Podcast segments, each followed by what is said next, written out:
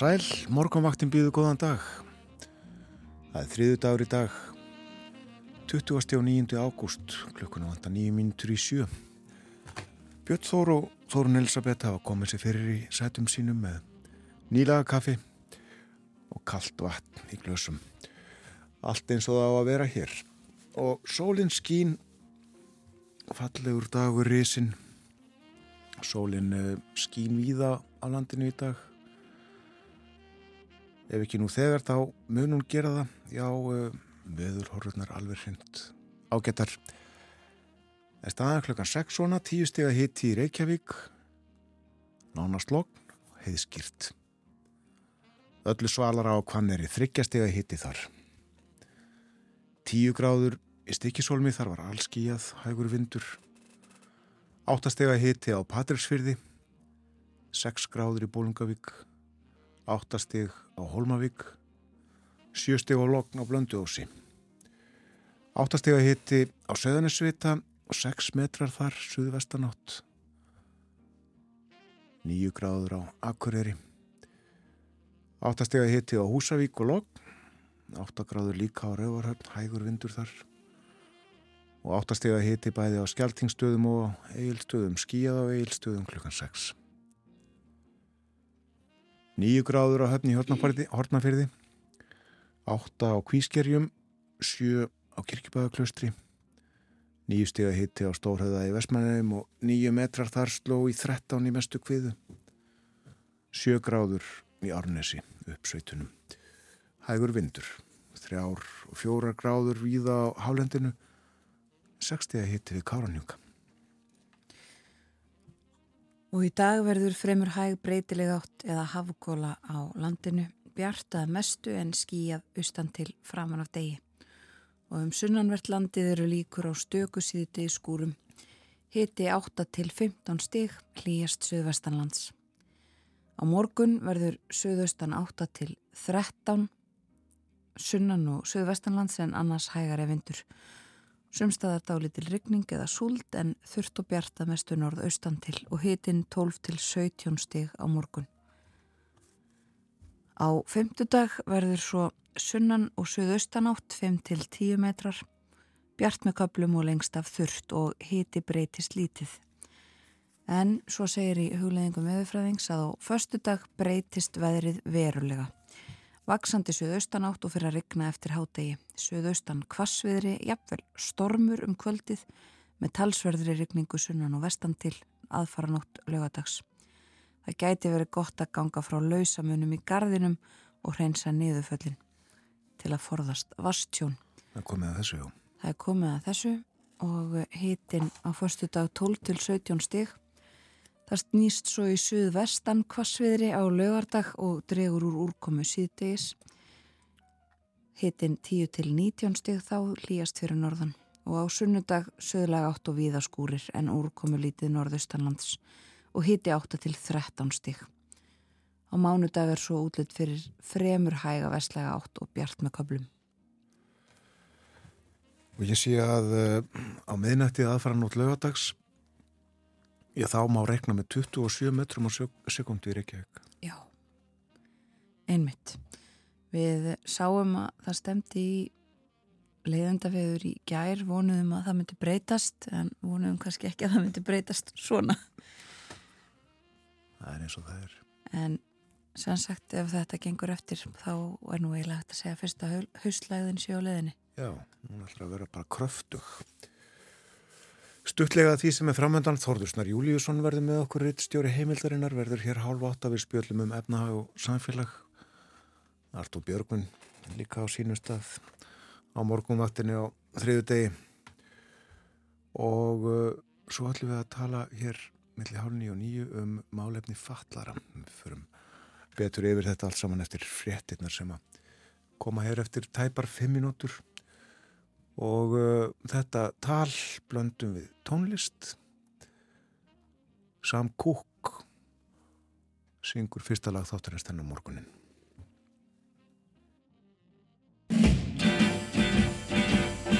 Somebody have mercy and tell me what is wrong with me.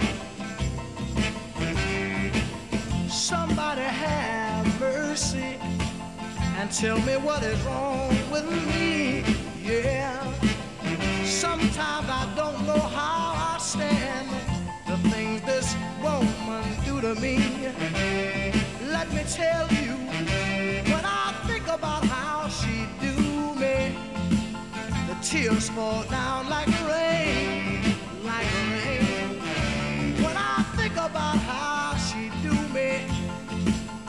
tears fall down like rain, like rain. When I think I got her chained down, she starts acting up again. But oh, let me tell you, I'm going down to the bus station with a suitcase in my hand. Yes, I am. I'm going down to the bus station with a suitcase in my hand. Yes, I am. I'm gonna grab me an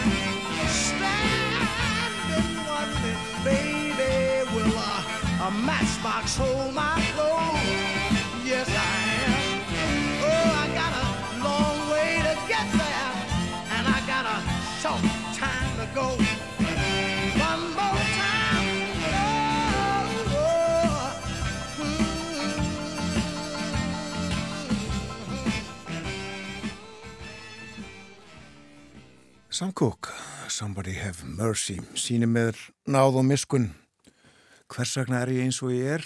Já, ég veit það ekki en ég er bara eins og ég er. Eitthvað á þessa leið var textin sem hann söng þarna. Og uh, annar lag með Sam Cooke er í handriti hjá okkur. Við sjáum hvort við komum því að. En uh, við ættum að spila kallakórin Þresti á eftir. Fréttinnar koma hér eftir mínútu ítaleg kynning morgunvaktarinnar strax að fréttum loknum, svo lítum við blöðin innend og erlend. Allir við þurfum ekki aðeins að tala um þetta veður sem er framöndan eins og spáinni núna og uh, svo komaðu hér. Hvert af öðru viðmælendur þáttarins Þórður, Artúr og Guðrún Ágústa sem við segjum betur frá eftir.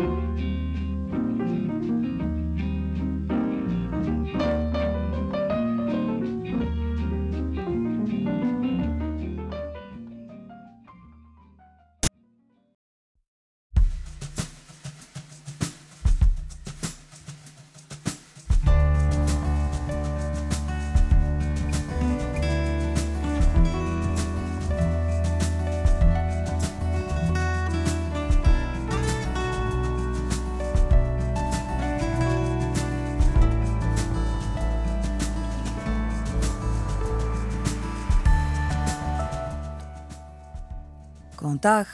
Morgumvaktin helsar þriði daginn 29. ágúst. Björn Þór Sigbjörnsson og Þórun Elisabeth Bóadóttir hafa umsjón með þættinum.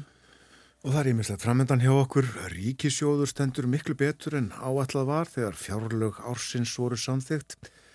Stefnir í að þar muni litlum 100 miljardum króna þegar uppverðu staðið um áramót. Fjármálar á þeirra upplýsti um þetta fyrir helgi og bóðaðum leið sparnað í ríkisrekstrinum. Förum yfir stöðu og horfur í þessum efnum með Þórðisna Júliusinni, reitt stjóra heimildarinnar. Hann verður hjá okkur upp úr half átta. Og í sömar hafa verið haldnir samráðsfundir um allt land með það að markmiði að gera tillögur af því hvernig bæta má stöðu fatlaðs fólks. Hugmyndin er að fatlað fólk, stjórnvöld og aðrir vinni saman sem jafningar og svo verður lagð fram landsáætlun í málafloknum. Guðrún Ágústa Guðmundsdóttir, verkefnastjóri um landsáætlun í málefnum Fatlas fólks, verður gestur okkar klokkan halv nýju. Og Artur Björgun Bodlasson verður líka með okkur í dag. Berlín er spjalla sínum stað eftir morgun fréttinnar klukkan átta. Þísk politík engum til umfjöldunar. Bæði erfið sambúð á Þíska stjórnarheimilinu og fylgiskostningar í bæjarlandi eftir fáunar vikur. Og við lítum til veðurs. Það er fallegur morgun í höfuborginni sólinn skín. Svo litið svona mistur reyndar út um gluggan sem við sjáum hér. En e, það verður fremur hægbreytilega átt eða hafgóla á landinu í dag. Bjart að mestu en skíjað austan til framan af degi. Síðdegi smá svo búast við dálellum skúrum síð, e, sunnan til en annars verður þurft og hitin 8 til 15 stig hlýjast suðvestanlands í dag Á morgun suðaustan 8 til 13 metrar á sekundu en hægari vindur fyrir norðan og sumstaðar lítilsáttar væta en þurft að kalla norðaustan til og heitin 11 til 16 stygg. Ágættis viður svo líka á fymtudag en á föstudag þá breytist veðrið. Vaksandi suðaustan átt og fyrir að rigna eftir hádegi, suðaustan kvassviðri og jafnvel stormur um kvöldið með talsverðri rigningu sunnan og vestan til aðfaranótt lögadags og verður svo kvast að það gæti verið gott að ganga frá lausamunum í gardinum og hreinsa niðurföll til að forðast vastjón, segir í hugleðingum veðurfræðings um veðrið á förstudag og raunar lögadag. Það snýst í söðvestan kvassveðri á lögadag og dregur svo úr úrkomu síðdeis. Hitin 10 til 19 stig þá og hlýjast fyrir norðan. Þokkalegt sem sagt eh, næstu daga, Já. svo leiðilegt í tvo og skaplegt aftur á sunnudag. Skaplegt viður aftur á sunnudag, já, og uh, ágættis viður líka á mánudag, svona meðan við uh, spána núna. Útlitt fyrir hægan vind og það verði bjart með köplum. Höfudagur er í dag. Já. 29. ágúst fyrir tæpum 2000 árum sem að Jóhannes Skýrari var af höfðaður fyrir nú ekki nánar út í þá salma en uh, svo veðutrú var áður fyrir á Íslandi að veðurfar myndi batna með höfdi og um það er uh, fjallað einhver starf á góðum stað og segir bregður þá vanalega veðráttu og helst þá hefð sama í 20 daga og minnir á það í 40 daga eftir Egidjúsarmessu, hún er 1. september en uh, þetta ætlar ekki að rætast í ár. Nei, ekki útlýtt fyrir það. Stendur eitthvað öðruvísi. Við líðum, lítum á fórsíðu morgunblassins og uh, þar er fjallaðu vegagerð. Uh, hér stór mynd, fimmdálka mynd, á henni má sjá tvo menn og tvær gröfur þeir eru að vinna þarna þessum nýfrankvæmdum lengingu Arnanesvegar við Breitholtsbraut og framkvæmdina sagðar hér fara vel af stað. Og uh, svo hefur við að tala um þennan samgangu sáttmála sveitafélagana frá 2019 sem nokkuð hefur verið til umfjöldunar síðustu daga.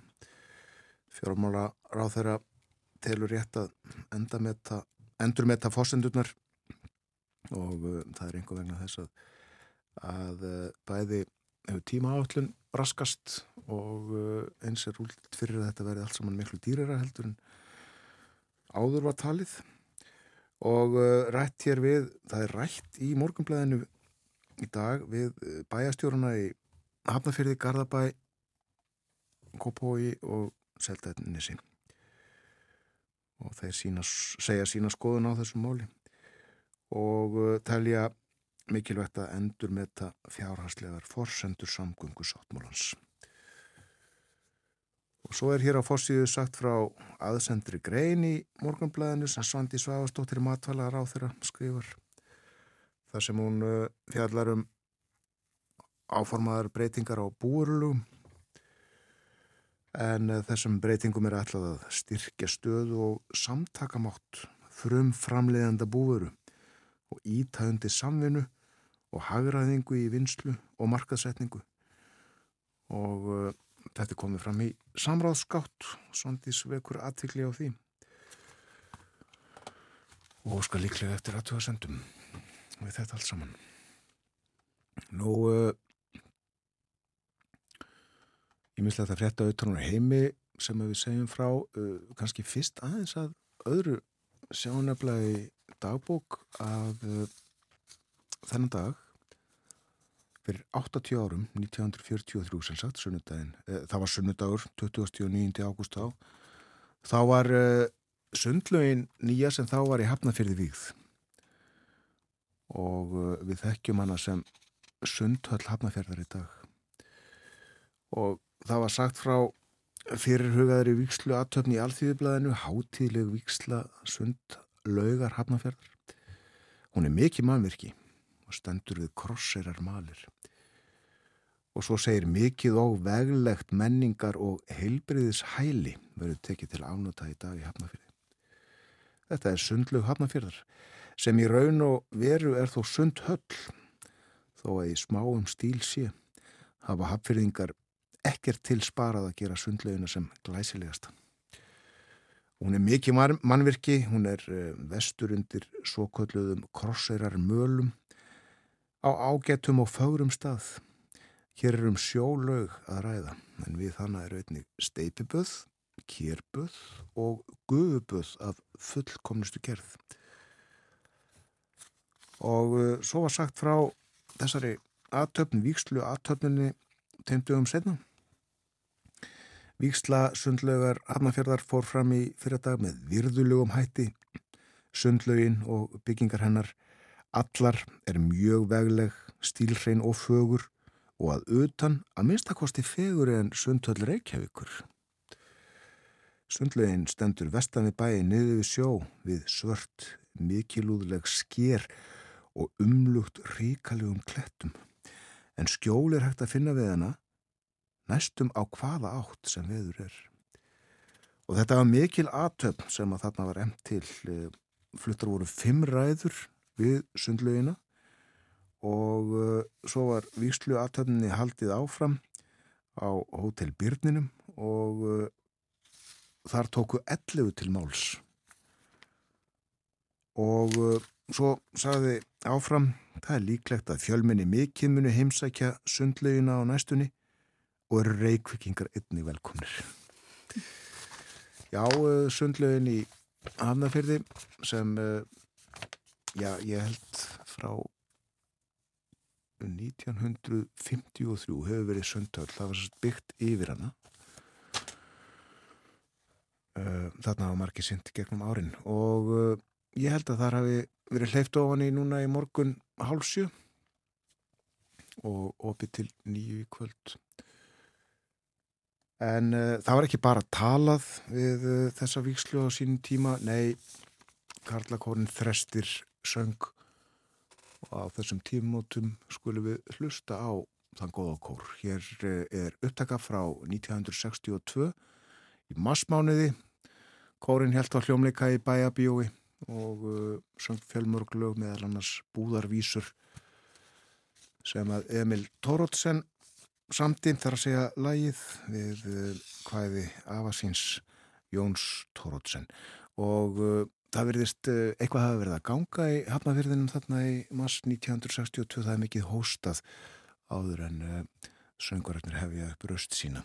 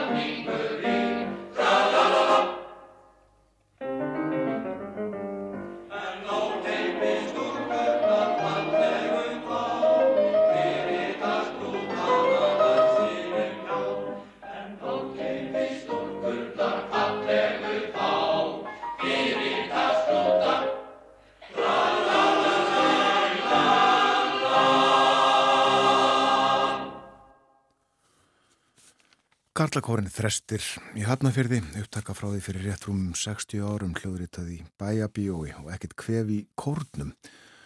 Fritz Væsapell leik á piano, Jón Íslefsson stjórnaði kórnum. Ég nefndi það hér áðan að uh, það er sagt frá grein Svandísar Svavastóttur í morgunblæðinu í dag, matvælar á þeirra um uh, áformaðar breytingar á búurlugum dreiði fram á fórsíðunni en hún mæðist í mörgu þessa dagana og uh, í dag verða loka niðurstöður starfsópaverkefnisins auðlindin okkar kindar verður uh, gert í hádeginu. Það verður streymt frá þessari kynningu. Fólk getur fundið upplýsingar um þetta á vef stjórnaráðsins en uh, þetta var uh, verkefni sem að margir hafa tekið þátt í og markmið þess er eins og segir í lýsingu hagkvæm og sjálfbær nýting sjáar auðlinda í sátt við umhverfi og samfélag. Og uh, þessi stefna á að byggja á þremur stöðum, stóðum sjálfbærar þróunar sem eru umhverfi efnahagur og samfélag. Og uh, svo fer þetta alls saman í samráðskátt stjórnvalda og uh, frumvarp smíðað og uh, Við vorum að minnast þessi ráðan að það eru 80 ár frá því að sundlaugin síðar sundhöllin í Hafnafjörði var víð og uh, það eru líka tímamót á fórsýðun og informasjón í Danmörku vegna þess að það er verið að minnast þess að 80 árum það byrjur liðin frá því að uh, blaðið hóf gungu sína uh, þá ólöglega Blaðið var stopnað í andspyrnurhefingunni gegn nazistum í Danmörku. Og uh, það eru uh, þessara tímamóta minnst á, á fórsíðu blaðsins í dag uh, og mynd á það að blaðið hafi verið stopnað undir þessum kringumstæðum. Í dag að þá sé það nú að mestu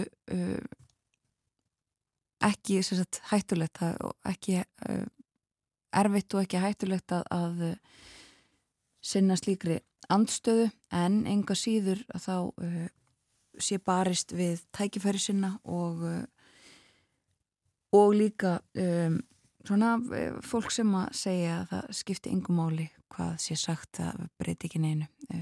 Saga blaðsins geti verið fólki áminningum það að trúa á tjáningafrelsi á erfiðum tímum og það að um, ekkert svona ástand vari að eilifu og uh, þetta er tilvittnum sem satt framann á blæðinu í leiðaran á baksíðunni og verða uh, minnast þessara tímamóta.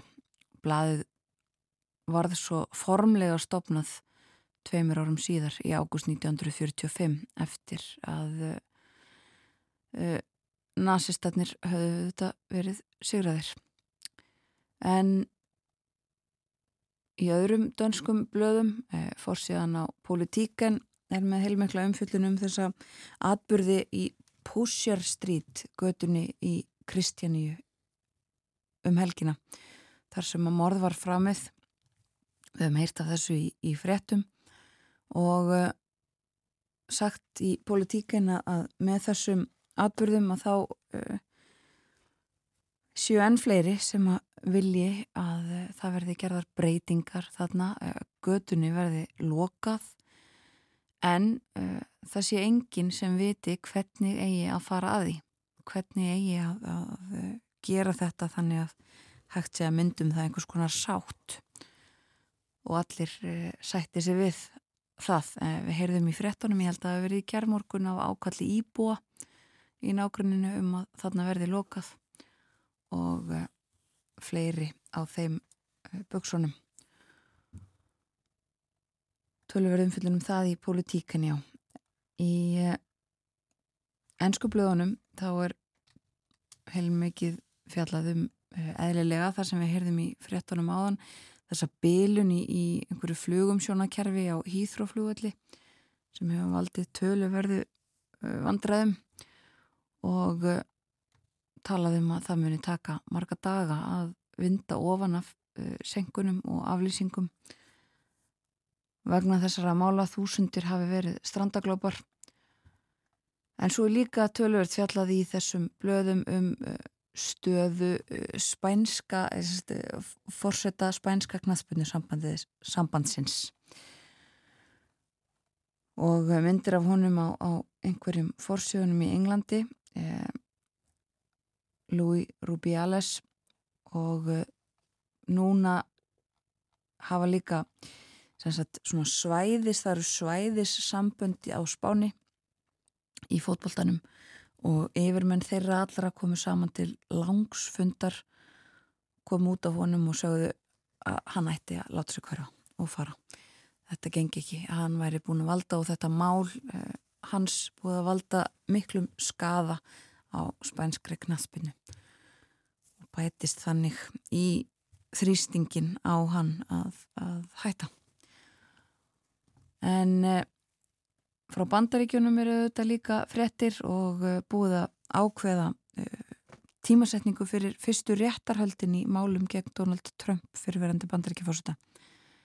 Þá að uh, hefja réttarhöldin yfir honum í, í máli, allríkismáli um að hann hafi reyndað að breyta kostningum. Þetta tengist þessu, þessari árás á, á Washington á þinghúsið og þetta á að fara af stað fjórða mars á næsta ári og það er degi áður en svo kallaði ofur triðjudagurinn er í bandaríkanum þar sem að fjöldin allir af forvölum og forkostningum fer fram í mörgum ríkjum mjög mikilvægur dagur fyrir uh, fórseta frambjöðundur eins og Trump er á nýjanleik vil verða aftur frambjöðandi republikanaflokksins og uh, það gæti farið svo að, að málinn hinn gegn honum raðist svo þarna e, beint á eftir á eftir að koma í ljós.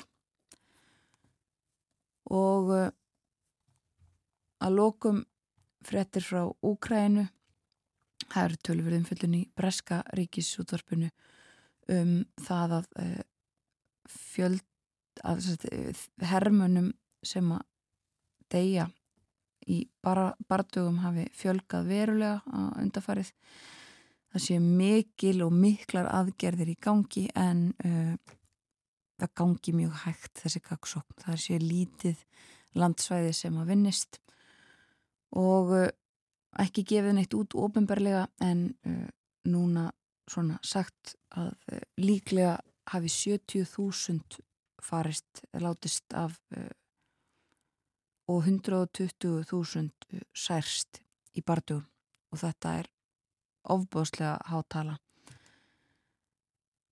ekki síst þegar haftur í huga að uh, herin telur uh, um halva miljón Segjum þetta gott af erlendum frettum í, í byli Förum við þetta til Þýskalands hér og eftir og heyrum þá hvað eftir og bauði þar Við hlustuðum á samgók fyrir fréttnar klukkan 7 og setjum á stað hér annað lag með honum.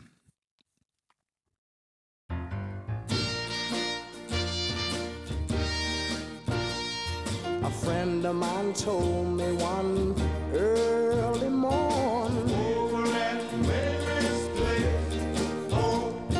Said tonight there's gonna be a party going on.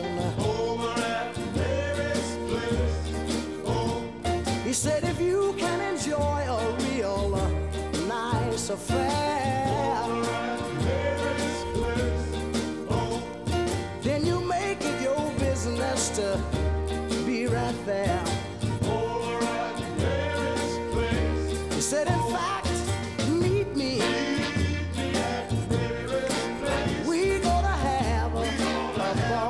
Today. Why don't you meet me at Mary's place? Why don't you meet me? We gonna have a, a ball today. Why don't you meet me at Mary's place? He said there's one thing that I want you to know.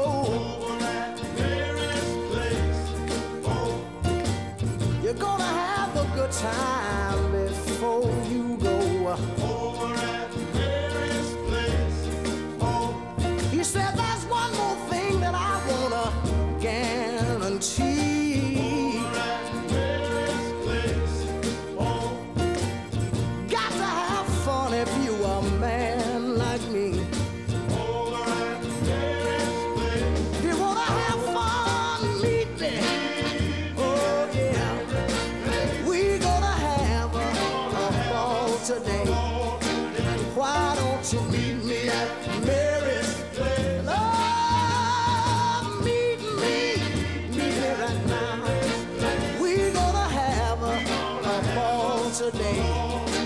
Why don't you meet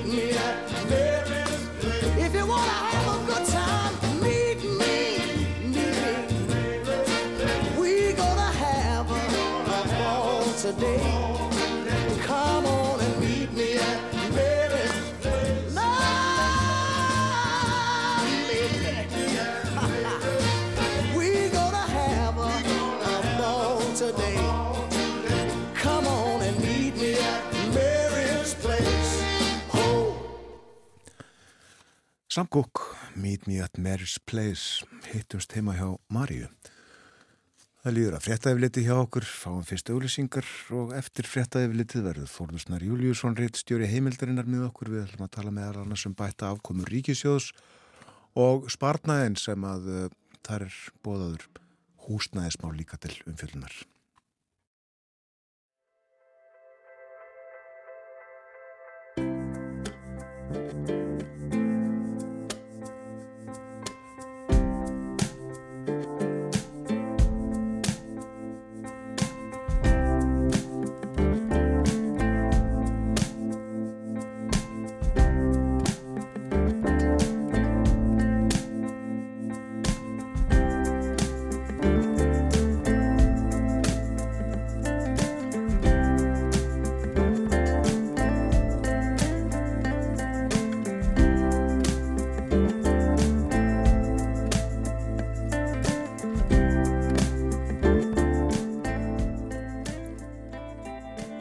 Morgunvaktin á ráseitt heldur áfram. Klukkan orðin rúmlega hálf átt að þennan þriðutags morgun.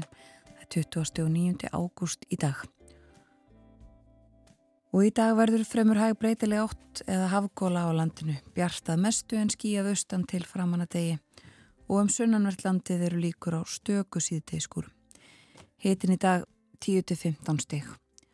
Á morgun verður suðaustan átt 8 til 13 metrar á sekundu sunnan og suðvestanlands en annars hægari vindur. Dálítil rigning eða súld sumstaðar en þurft og bjarta mestu norðaustan til. Og fínasta veður áfram á fymtudag en á förstudag þá breytist veðrið verulega, kvassviðri og rigning í kortunum bæði á förstudag og lögadag. September allra að hilsa með kvelli. Já, sannlega, fyrsti september er mitt á förstudag. Þóruðsnar Júliusson, rittstjóri heimildarinnar er komin til okkar við tölum um efnahag og samfélag hér næstu mínútur. Góðan dag og velkomin. Takk fyrir. Það er yfirlegt hér á efniskráni hjá okkur. Uh, Byrjum á þessum fundi, upplýsingafundi sem að fjármálráþrann held fyrir helgi þar sem að kynnti snar bætta ákomu ríkisjóðs á þessu ári með við það sem að fjárlög gera ráð fyrir.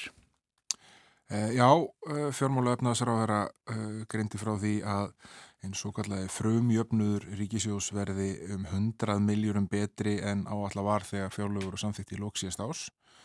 Þannig verði frumjöfnuðurinn í stæðan fyrir að vera neikvæður um 50 miljara verða njákvæður um 50 miljara og þá spurja margir sig hvað er frumjöfnuður? Jó, það er bara, ef við líkjum þessu við heimilsbókald, þá er það uh, raunlega uh, niðurstaðan þegar þú er búin að draga uh, allan kostnað frá tekjum en sleppir vaksta kostnaði og vaksta tekjum. sem eru háar. Já, vissulega, komum að því síðar mm. hérna, þannig að þetta er svona hérna, þú sleppir því sem, það tekju sem ríkið hefur af eh, einhverjum hérna, útlánum sem það er með og vakstabærið tekjur og svo auðvitað bara kostnaðunum sem ríkið hefur á því að taka lán og ríkið skuldar auðvitað um talsverðar fjárhæðir. 100 miljardar er auðvitað há fjárhæð eh, verður þetta til þarna í ríkisjóði bara út af miklum umsugum í samfélaginu? Eh, já stuttasvarið bara mjög laggott já, það er hérna, meiri enganisla framan ári en eh, reknaða með og svo þetta eh, viðbrað ferða þjónustunar sem viktar þarna stórt yfir. Í, í stóra samenginu er, eru svona sangat fjárlöfum 2000 og fyrir árið 2023 þá eru þetta sko átti hallin á ríkisjóðu að vera 120 miljardar og þar átti eins og við sögum á hann og að reikna með frum, neikvæðum frumjöfnum um 50 miljardar. Þannig að þessi viðsnúningur uh, lagar þann halla eitthvað en við getum alveg gefið okkur að hann verði samt sem áður umtalsverður og af hverju segi það? Jú, að sangat fjárlögunum þá var uh, vaksta kostnaður áallega 95 miljardar miklu meira en vaksta tekjur, næstu fjórusunum meira en vaksta tekjur og e, þar sem verðbólka hefur auðvitað verið þrálátari og herri í ár en gert var áðfyrir í fósandi fjárlaga og stór hluti e, skuldaríkisjós er í, í verðtri, eru verðtriðar þá má alveg gera ráð fyrir að vaksta kostnaðurinn verði umtalsvert herri en gert var ráð fyrir þannig að þessi 95 miljardar fari upp í einhverja ennhæri tölu og uh, þá þessi svona vaksta jöfnur, hann verður hérna, hann bætist ofan á uh, þessa niðurstu. Til viðbótar við þetta, þá eru þetta gert ráð fyrir í fjárlögum að Íslandsbanki, að eftirstandi hlutur í Íslandsbanka verið seldur fyrir eitthvað 74-75 miljardar. Þannig að uh, þessi svona bæting á frumjöfnuði, hún kannski bætir fyrir, hún stoppar upp í það gatt Uh, hérna, og skilur einhverja peninga eftir. En það má alveg ganga út frá því að það verði enn frá tölurur hallur á, á rekstri ríkisjós á þessu ári. Já, en horfurna fyrir næsta ár hljóta þá líka verið ágættar? Þetta er allt, horfur allt til betri vegar, það er að segja hérna, tekjumyndun, viðsnúningurinn og viðbræðið er hraðar en lagt var upp með. Uh, kannski áhugjefni sem margir hafa haft er það að útgjöld hins ofnbæra hafa verið að vaksa ofrætt. Það er að segja við jökum auðvitað útgjöldin alveg umtalsvert í uh, koronavirufaraldrinum til þess að styrkja hitt og þetta og svona hjálpa fyrirtækjum, ymsum fyrirtækjum og, heimilum og öðrum í gegnum ákvæmna skabla og það hefur náttúrulega ekki dreyið úr þessum útgjöldum. Það er að segja, gjöld ríkisjós í ár voru áalluð 1270 miljardar króna uh, og þau voru 1100, uh, um 1100 miljardar áalluð í fjárlöfum fyrir árið 2021 urðu öndan maður meiri með fjárlöfum þannig að hérna þá, þá stóð stuðningur við koronavirufald vegna koronavirufald uh, svona hæst og, og og síðan hafaðu bara vaksið, vaksið um 170 miljardar í krónutali á milli fjárlagana sem voru lögð fram 21 og, og 23 og það er sannlega raunhækkun ef maður tekur til litið verðbólkum svona 60 millera. Uh, þannig að það er aðgerið sem voru kynntar núna svona til þess að, uh, að hæra það, ríkið alltaf að leggja sitt á, á vóaskálanar í baratunni gegn verðbólkunni og, og sína aðhaldir ekstri. Það eru metnar á 17 millera uh, sem voru kynnta núna á þessum fundi fjármála og efnaðsráð þeirra og þetta flesta því sem hann kom inn á þar er gamalt, það var kynnt þegar fjármála áallun ríkis, uh, ríkistjórnarinnar fyrir uh, árin 2024 til 2028 uh, var ofnberðuð í mars. Þarna var að tala um ekki gjöld á, á bíla, rafbílar fara að nota fyrir notkun á, á gatnakerfinu, álugur á skemmtiferðaskip auknar á aukin álugur á, hérna, á eldi og, og svo frammeðis og svo er líka bóðað þarna Uh, bara uppsagnir, beinar uppsagnir uh, og, hérna, og lækun í, í kostnaði vegna starfsfólks um, um, um einhverja 5 miljardar uh, sem verður líka tekið í gegnum starfsmannaveldu en það, er, það var alveg ótfært eftir að greina frá því hvar þau ofnbæra ætlar að skera niður til þess að ná fram þeirri hæraengu En heilt yfir eru þetta kannski ekki mjög hátala. 17 miljardar eru 1,3% af þeim útgjöldum sem voru áalluð á, í fjárlögum árið 2023. Já, en uh, herrið það rétt álögur eða skattar auknir á fiskeldi bóðir?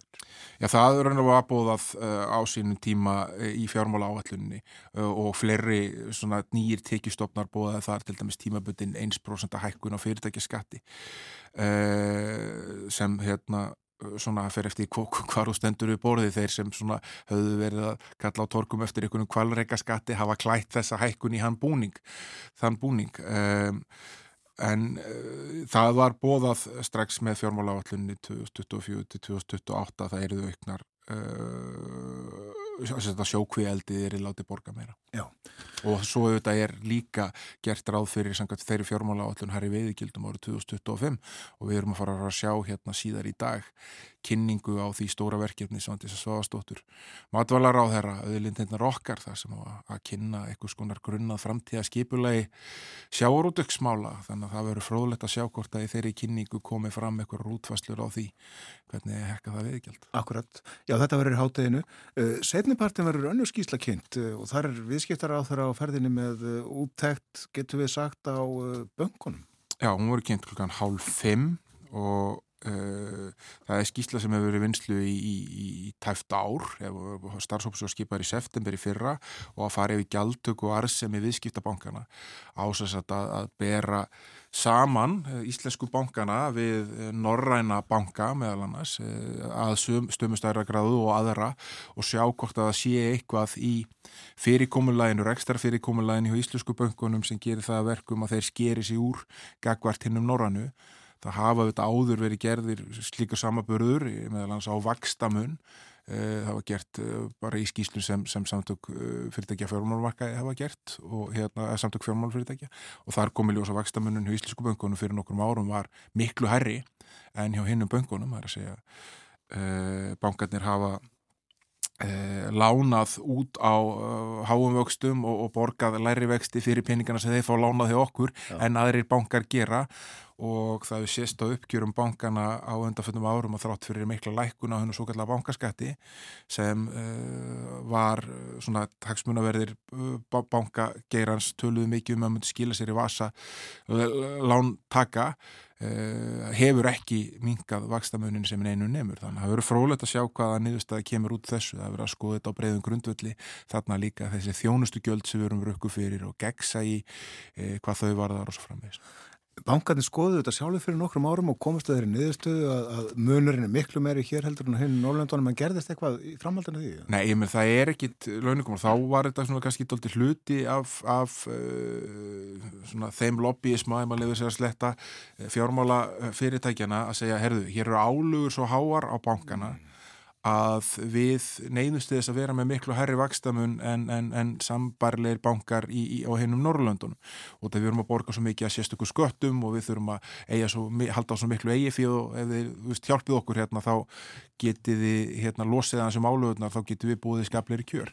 En síðan hefur þetta bankaskattinu verið lækkaður umtalsvert. Eh, margra, margra miljardar spartnaður fyrir bankana hérna í, í, í greiðslu á bankaskatti.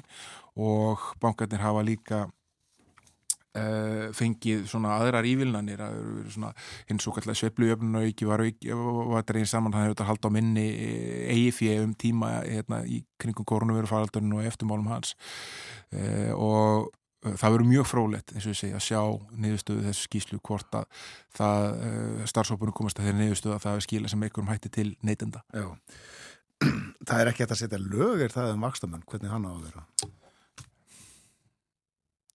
Já, þetta, ég meina þetta er frjálstar sem er það ekki? Jú, en við skulum auðvitað sko gera eitthvað greið fyrir því að, að, hérna, að einn og hálfu bónki er í eigu okkar sko, er í eigu þessu umbera þannig að hérna kannski liggur þá hundurinn grafin einhvern veginn í fyrirkomuleginu að hérna þessi svona armstengt sem hefur sett sem átt að, hindra uh, svona pólitísk afskipti af bankastærseminni og mjög handbæri rauk fyrir því að gera það svona í ljósi sögunar uh, og hvernig Ísland var hér hérna auðvitað, þóran af, af, af síðustu öld. Að það þurfi einhvern veginn að hugsa það fyrirkomulega á nýtt ef að ríki vil hafa áhrif á það hver, er, svona, hver, hver markmið bankastar sem ennast að það á er.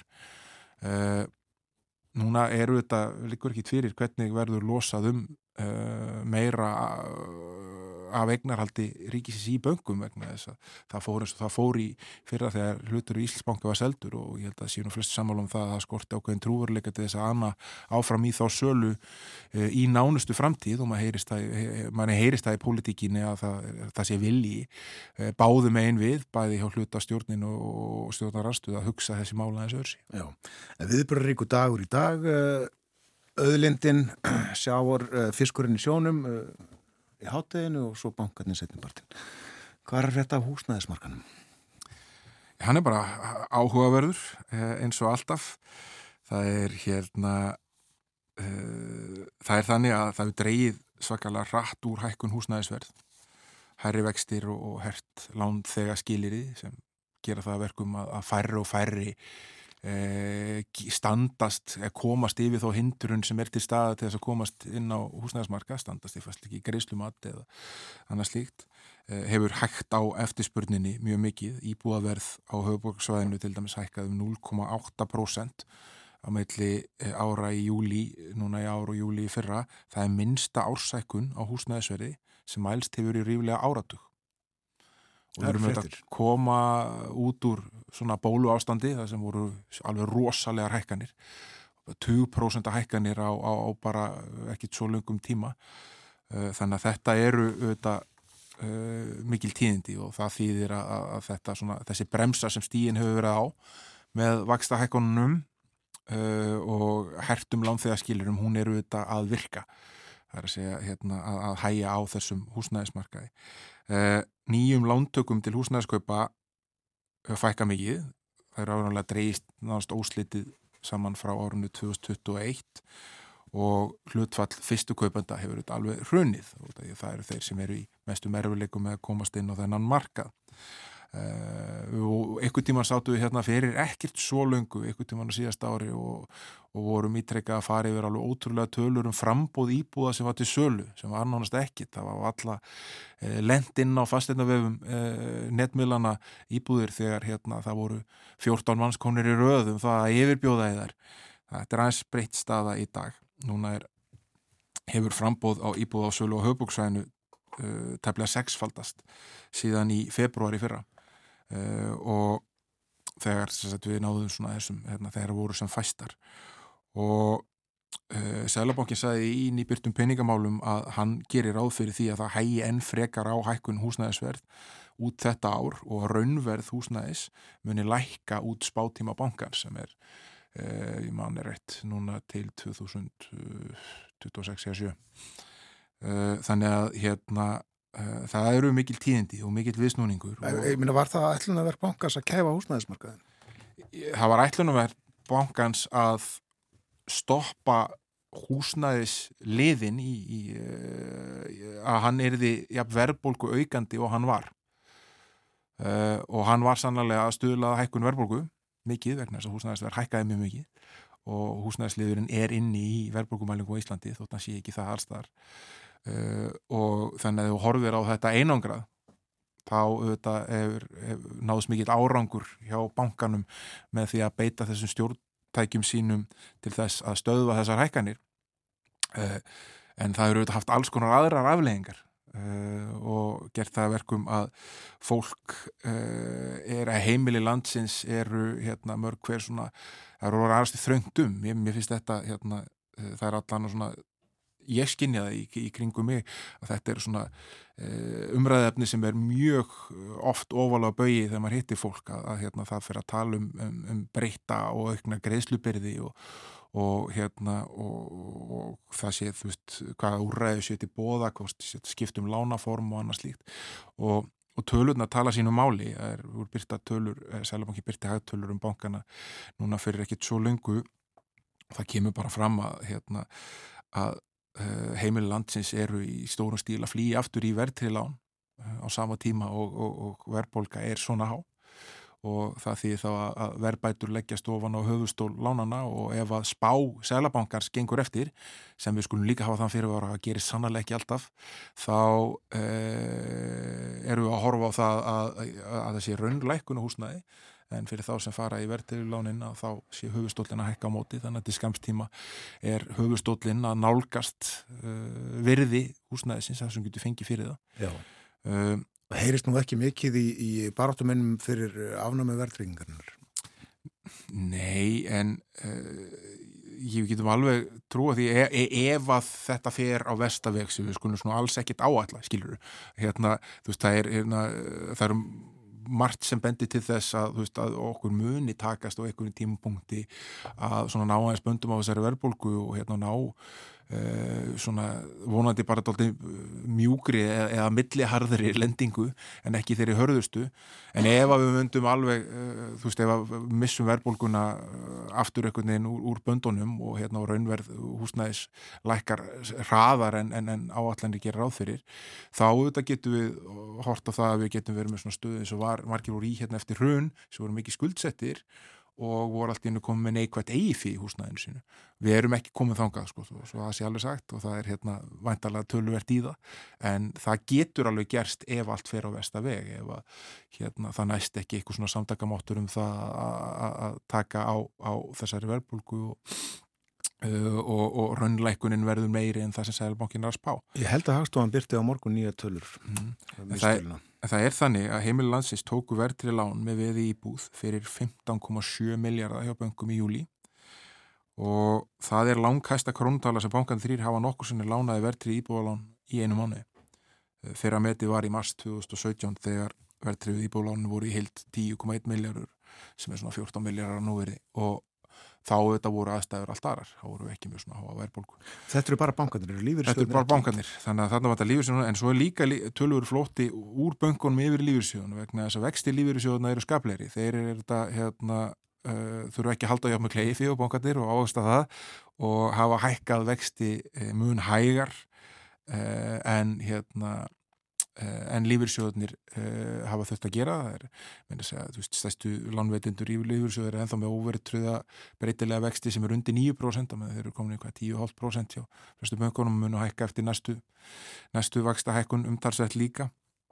Uh, og svo er bara uh, í þessum tölum sem ég var að minnast á hérna áðan þá sést að heimilin hafa aldrei áður greitt upp jafn mikið af óverðtröðum lánum og breytilegum vöxtum eins og við gerðum júli innan eins mánuðar og þetta mun bara aukast vegna þess að stabbin sem uh, far, fólki sem er á föstum vöxtum sem hérna mun uh, fastvaksta tímabilið mun falla úr gildi uh, núna 24 og 25 hann er 650 miljardar áallar þannig að hérna við munum sjá meira af þessum tilfæslum en sem komið er, eru þetta úrræðin sem bankati bjóð upp á.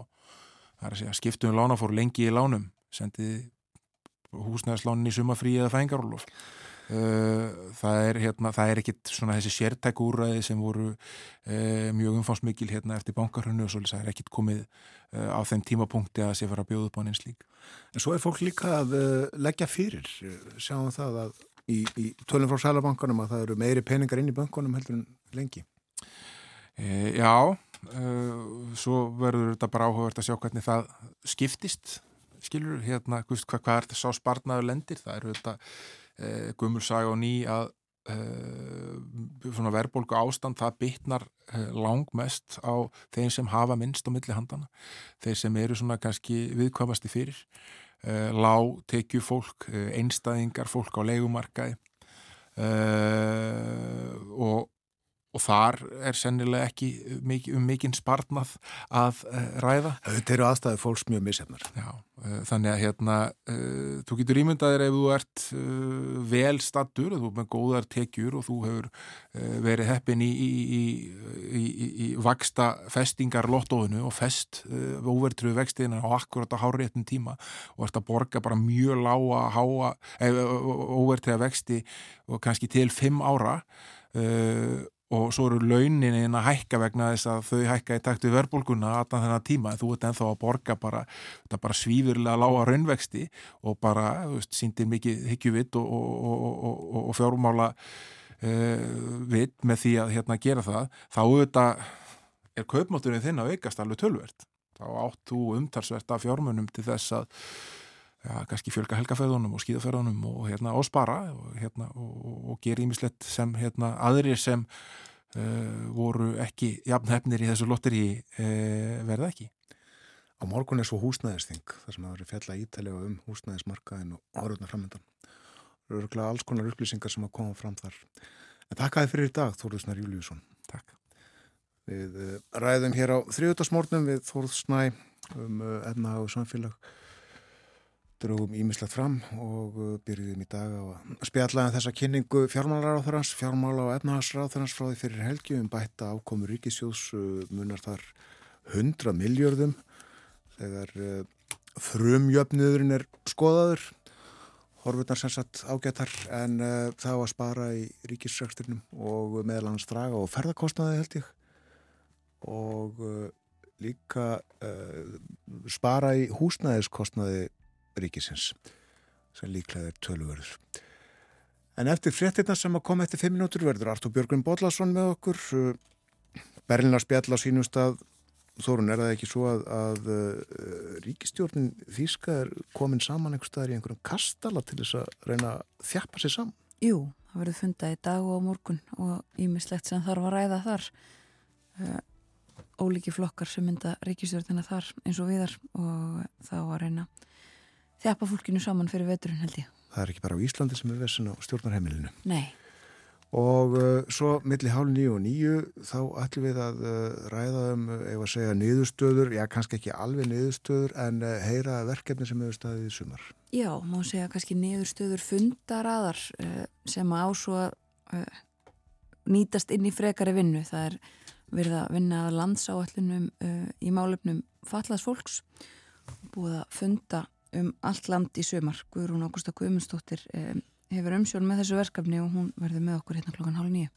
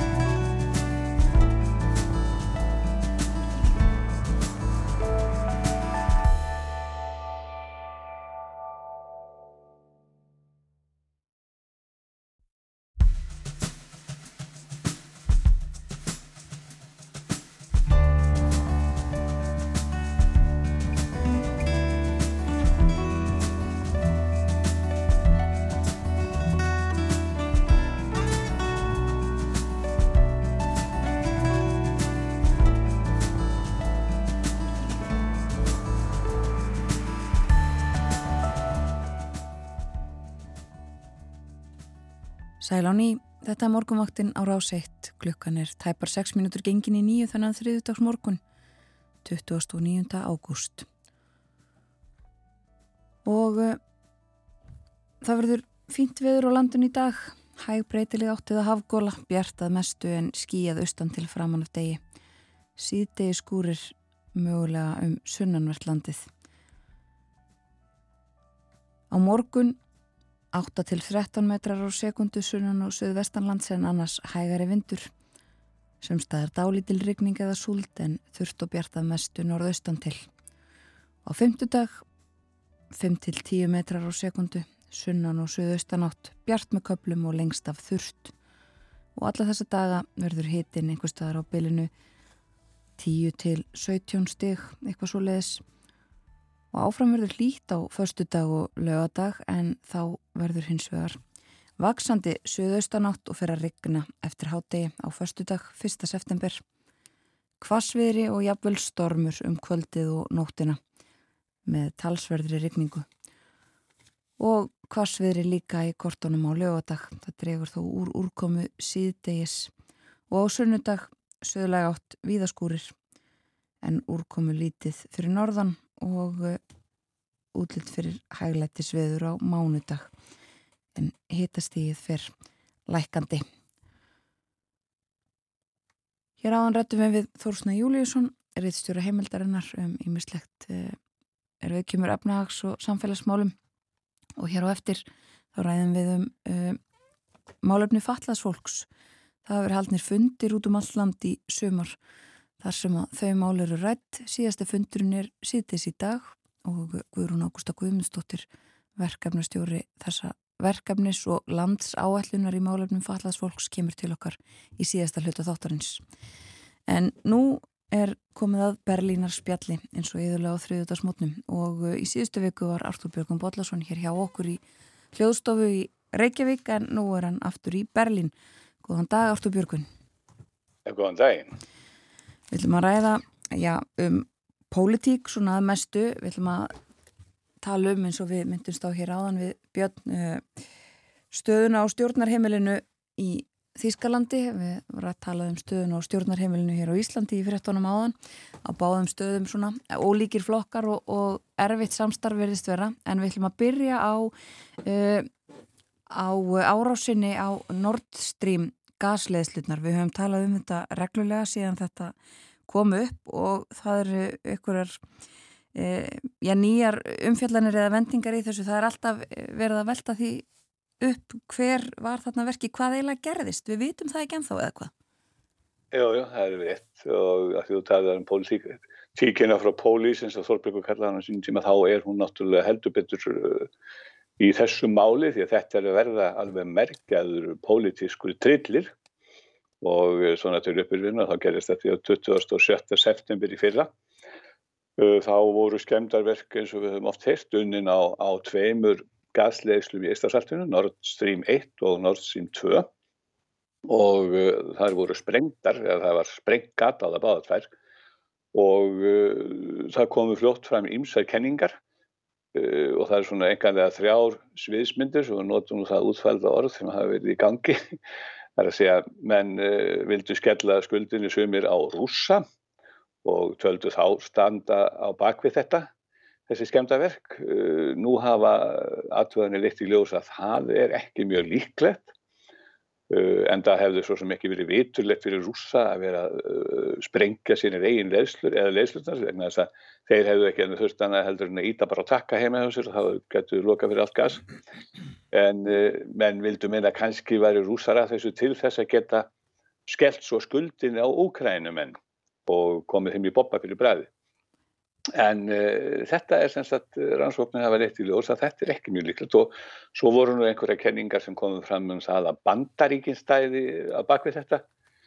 Og uh, það þótti nú hins vegar ekki kannski líklegt að bandaríkin veri að sprengja þarna í eistastartinu uh, því að þeir hefðu ekki beinan haga því. Þetta voru eitthvað svona, svona samsæri kenning en En böndin bendust og beinast nú enn meir að því að árásin hefði verið stipulögð í Úkrænu eða af Úkrænu mönnum. Og þá eru að taka fram að, að það réttir sem bendir til þess reyndar að fósetti Úkrænu, Serenski, hann hafi verið með í ráðum og heldur ekki ljóst yfir höfu sko hverjir nákvæmlega voru þarna á bakvið. En uh, það hefur tekist að reyka ferðir árásamanna sem voru í borði þessari undarlegu skútu Andrómediu sem að uh, var talin að hafa flutt skemdarvargarna á svæðið og það tekist að reyka sem spór þeirra meira minna til Úkrænu og uh, þó eru þetta ógreinileg spór og það er enda förðulegt hvaðan tóst að fjela uh, þessi spór sín því að þetta er efni í merkjaða spennusögu og sakamálasögu En sem sagt, bladamenn Þíska tímeriðsins Spíker og stórblaðsins Süddeutsche Zeitung hafi verið mjög dögulega við að grafast fyrir um sannleikan í málinu uh, ásamt auðvitað Þískum öryggis yfirvöldum og Þísku leinisjónusinni en uh, hafa ekki komið þessu enn á seint en eins og segi allar vísbendingar sem er hafa fundið uh, og þetta er heilmikið saga sem er nægt að reyka hér hvernig þeir hafa verið að stræða einhverja, einhverja, einhverja æfislóð einstaklega herrfóringja og og herrtækni fræðinga frá Úkræðinu sem hafi hugsanlega verið þarna vekki en það bendir allir þess að þann hafa þetta komið. Og hvers svo sem niðurstæðan verður, hennar er endar beðið með eftirvendingu af ýmsum ástæðum og sumir endar eru kannski fegnir því að, að hún verður nú ekki ljós á næstu árum. En hvers svo sem niðurstæðan verður þá gæti hún orðið mikið politist tundur. Því að ef þessi grunur um að úkrænumenn eða einhverjir úr úkrænska hernum, einhverjir herrtæknum eða herrfóringar hafi staðið á bakvið árásuna þá uh, gæti það haft að skapað mjög mikla umræðum það hvort að þessi sögur eða hvort að þessi mögulegt að þjóður séu áfram að, að styðja úkrænumenn í stríðinu við rúsa, árásar hér rúsa með herrgögnum og öðru slíku ef að úkrænumenn hafa staðið fyrir því að einhverjir úr þeirra liði að skemma gríðarlega rándýra og mikilvæga innviði Þíska ríkisins því að þó að málinn standi nú eins og þau standa og sé búið að loka fyrir gasi frá Rúslandi þá er þetta lífæð e, framtíðurina mögulega og, og hérna gríðarlega dýrt mannvirki þannig að, að niðurstæðin getur komið sem sagt tölvers miklu róti á heimsmálinn svo ekki sem er að sagt. En sem sagt böndin beinast æg meira því að einhverjur úr herliði eða einhverju aðstumenn úr herliði úkrænumanna hafi verið á bakvið þetta. Svona er staðin í dag en uh, það er ekki vitað uh, hvort og þá hvenar einhver svona endanleg niðurstaða kemur ljós? En málið er að þegar þetta er borið undir stjórnmálamenn hér til dæmis, sem er nú alltaf gert annars lagið, þá segja þeir að þeir séu auðvitað lindir því að sannleikurinn kom í ljós eins og í öllum málum, Já. en maður finnur og það finna allir að áhugin er svolítið takmarkaður uh, vegna þessari vísbendinga því að það getur þetta haft alvarleg áhrif á samskipti þjóðveri og íkvæðinumanna sem eru viðkvæm og við þekkjum hvernig þau eru núna ef að þetta er í raunin. Þetta gengur náttúrulega ekki upp, það þurfa að vera reyna línur í allar áttir. Já, en það getur dreyist eitthvað á langin. Já, uh, við ætlum að ræða fleiri pólitísk mál stemningin á Þýska stjórnarheimilinu, hún er líka eitthvað sem við höfum yðurlega rætt og eh, nú er verið að já, er verið að reyna að þjappa saman uh, Þýsku ríkistjórnini eða hvað? Já, já það má segja að þýkjum frá Pólísum til skottinu dátt þess að dagana í eh, sagt, eh, Meseburg kastalanum í Brandborg þar nefnilega er Þýska ríkistjórnin komin saman svo verður þar í tvo daga og þetta er kastali, barokkastali frá 18. öll sem er hérna fyrir utan Bellin 70 km fyrir norðan Bellin í, í Brandenburg og eh, hann er notaður í dag sem gesta íbúð, eh, gesta bústæði fyrir þýsku stjórnina eða gesti þýsku stjórnarinnar. Og þetta er mjög merkilegu kastali sem það er fundla í og kannski hefur það einhver áhrif að þarna var um tíma búsettur, þetta var í eigu föður skálsins og heilbyggingsins Lessing. Eh, eitt af rítum hans hefur nú komið út á íslensku sem úrvarsrít hjá bómyndafélaginu og er lærdomsitt hjá bókmyndafélaginu sí og uh, svo viskast en það svífur við vötnum hefur vonandi áhrif og hugi sjálfs og andra manna sem þannig er að synda úr stjórninni. En það er semst að ætlurinn að fara yfir málinn í þessum barokkastala og uh, til dæmis að, að reyna að jafna ágreining sem hefur verið innan stjórnaflokkana um fjölmörg mál og ekki síst að skoða hvað veldur því að það hefur gengið svona slælega að eh, framkvæma mörg þeirra mála sem að voru kynnt í stjórnarsáttmála flokkana á sínum tíma fyrir tveimur árum þegar stjórnum var mynduð. Uh, Sjólds var til dæmis, og svo fyrir nú í, í syndareikisti, þá var Sjólds mjög brattur í upphafi og bóðaði hvorki mér en minna nýtt efnahags undur virtschaftsvundur eins og hann sagði. þar sem að hagvöxtur yrði líkur því sem að hann var á sjötta og sjönda áratug síðustu aldar eftir stríði hér í Þískalandi. Mm. Það eru kannski menn munan nú það ekki margir en í sögunni er talað um Þíska efnaðarsundri, það stóðsju Wirtschaftswunder eins og heitir okkur málinu sem átti sér stað á, á, á 7. og 7. áratum eftir stríð þar sem að Þískaland reys úr öskustónni með undraverðum sada og gríðalugum krafti því að hér var náttúrulega landið einn rjúkandi rúst eftir stríð eins og menn þekkja úr sögunni og uh, það verður að taka fram, þá voru hún ekki síst konurnar, kallmenninu höfður nú miljónum saman fallið í stríðinu og var ekki sérst konurnar, þísku ekkjurnar og þísku dæturnar og, og, hérna, og sem að tóku höndum saman og restu Þískaland og ösku, öskunni, það var bara þannig. En á þessum sjötta áratug þá var hagvöxtur um 8% og á þessum sjönda var hann um 4%. Og sem sagt sjálfstæði, við ætlum að endurreisa Þíska haugkjörum með sama hrað og gert var þá og uh, auka hagvöxtin. En 2023, þegar þessi orður eru tölur hér, þá er nú það var nú hagkerfið að skreppa saman um 0,3% og það er mikil munur á, á, á, á þessum fyrirhittum og, og því sem gert hefur og mm. svo átti meðal þess að byggja 400.000 íbúður á ári hér í Þískalandi á kjörtífumbilinu og árið 2022 fyrir þá voru það nú ekki með 295.000 og verða miklu færið á þessu ári en þá ber stjórnir við gríðarlega uh, hækkandi verði á, á hérna á byggingarefni og úkrænustíðin og framvegis. En, en svo uh, hérna átt að setja svakalega kraft í byggingu á svona umdum vindmilu görðum sjálfs og það er til dæmis að það eru byggður um 1300 vindmilur á ári. En á fyrir hlut ásins í fyrra voru það með umlega 300 þannig að það er nú ekki alveg ljóst og eitt enn á þess að fara nú kannski í þetta allt saman, þetta er svakalegt syndareikistur að það átt að framlega hér í Þískanandi 15 miljónir rafbíla til ásins 2030 en nú hafa sérfræðingar reknað út ef að aukning, framlegslu aukningi verður jafn mikið hún hefur verið þá, þá verður nú ekki um 8 miljónir, miljónir rafbíla framleitur þessu tímbili í staðin fyrir 15, það er alltaf mjög líka. Þannig að rafvæðing bílaflótans gengur miklu hægar en stjórnin hafi talað um og og það er til dæmis núna ekki nema 1,2 miljónir rafknúinu aukutæki eða bíla á, í umferð hér í Þískalandi og heldarflottin er 49 miljónir bíla sem þýðir að rafknúinu aukutæki er ekki 2,4% af, þessum heldarflotta þannig að þetta er allt saman mál sem þetta verða rætt og, og, og alveg ljósta að það voru gefin lofur í upphæfi fyrir stjórnar sjóls sem að alls ekki hafa staðist. Og svo eru mörg fleiri mál sem við getum ykkur að setja rætt en þetta eru svona þau sem að mest ber á sagt, og örgulega verður reyna mestu höfuverkurinn á milli kaffebóllana hérna í barokkastan Messiborg. Akkurat. Að lókum, uh, eh, Artur Björgun, það eru fylgiskostningar framöndan í, í eh, Bæjaralandi?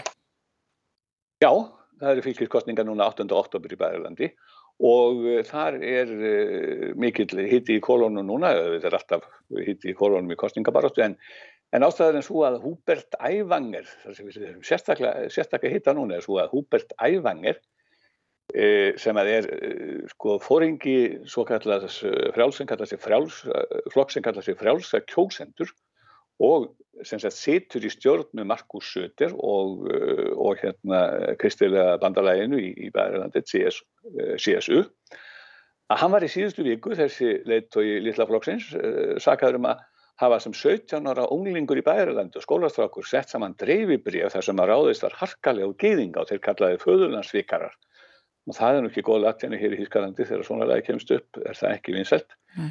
því þetta er það áðurlega sem nazista nótt og sín tíma um geyðinga að, og í helförinni og þetta vakti mikið fjarafók en það eins og nefndir kostninga bara stundir á fullum gangi fyrir kostninga þar eftir sex vikur. Og og eftir mikið moldviðri þá, þá hérna í tengslu við þetta mynda gýðingahattur æfengars á úlýnsárunum að þá gekk hennu bróður hans fram fyrir sköldu tók á sig skellin og saðist bera ábyrða þessu dreifibrifi sem á sínum tíma hefði fundist í skólatösku húpsi en, en æfangar þessi er alltaf kallar hann er Húbert æfangar alltaf kallar húpsi svona, svona hans viðunefni og hvað sem það að, að hérna Húpsi sem sagt uh, þakkaði bróður sinni fyrir þessar hreinskilni. En auðvitað, ég minna bróður er bróður og, og hérna, hjálpar æður hjálpast að. Já. þannig að válið er ekki alveg upplýst og uh, það er pínlítið svona eftirkeimur en það má kannski nefna þennan Húpsi hann hefur þá sérstöðu hér í stjórnarmála leiðtúmi í Þískarlandi að, sem er ábyrjandi þjóðlíðunum það var það nokkulega að skilja það þegar hann talar í fjölmiða um, en það er hann alltaf stríkt á, á hérna, fylgistingjum í Bæralandi þá með þessi hans eigin flokksmenn kalla húpsi farið nú að reyna að tala þýskum aður það skilur ekki nokkuð maður því að hann talar svo mikla málvísku Já. að hann er nánast óskiljanlegur og málvískan í bæra hann er frá neðra, uh, hérna, nýðabæjan eða neðra bæjarlandi og ég hef nú sjálfur farið þar um og það ég hef alveg geta verið einhver staðar í Afríku varðandi máli því að ég skildi ekki til að menn komið til og tölu á, á neðri bæver sko. það, það, það er alveg útilokað að skilja það og hann eins og margir af þessu svæði en þetta bara, hann er ekki sett mikið mentaður eða hálarður, þetta er sveitapiltur sem vann sig upp í politíkinu úr fræðingur, en uh, hann er sveitamæður og, og svona ber það uh, sér í fasi öllu. Hann er ekki svona, ekki alveg upp í visslusölum, en, en lítiríkur náðungi.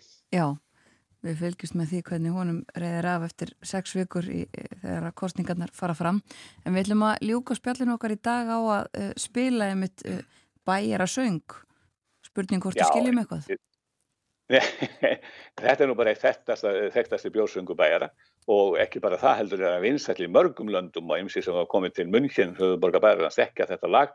Því það fjallar um uh, hús sem að margir hafa heimsótt Hofbräuhaus sem er frægasta bjórgráð í Þískalandi og heitir því fína nafni München Stedein Hofbräuhaus Hlýðum á það, takk fyrir í dag Artúr Björgum Bodlason í Berlín. Takk sem við þess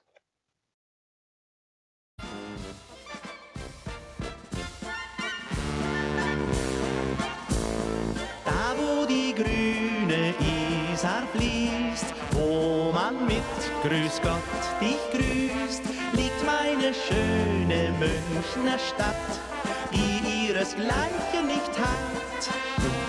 Wasser ist billig, rein und gut, nur verdünnt es unser Blut. Schöner sind Tropfen goldenen Weins, aber am schönsten ist eins. München steht ein Hofbräuhaus. Once, zwei, super, da läuft so manches Wasser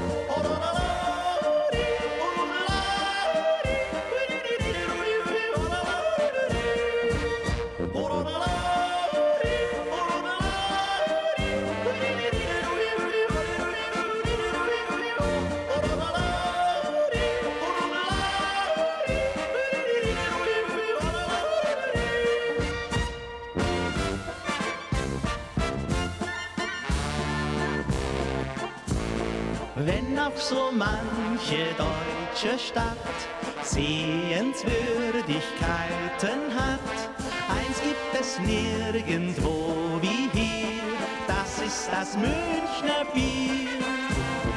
Der dieses kleine Lied erdacht, hat so manche lange Nacht über die Münchner Bier studiert und hat es gründlich probiert.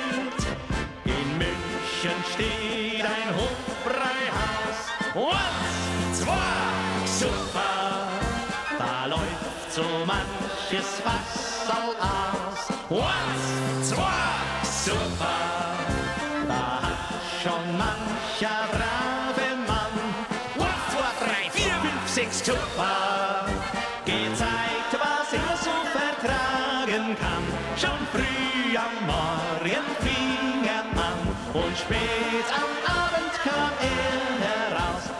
Schön ist's im Hofbräuhaus.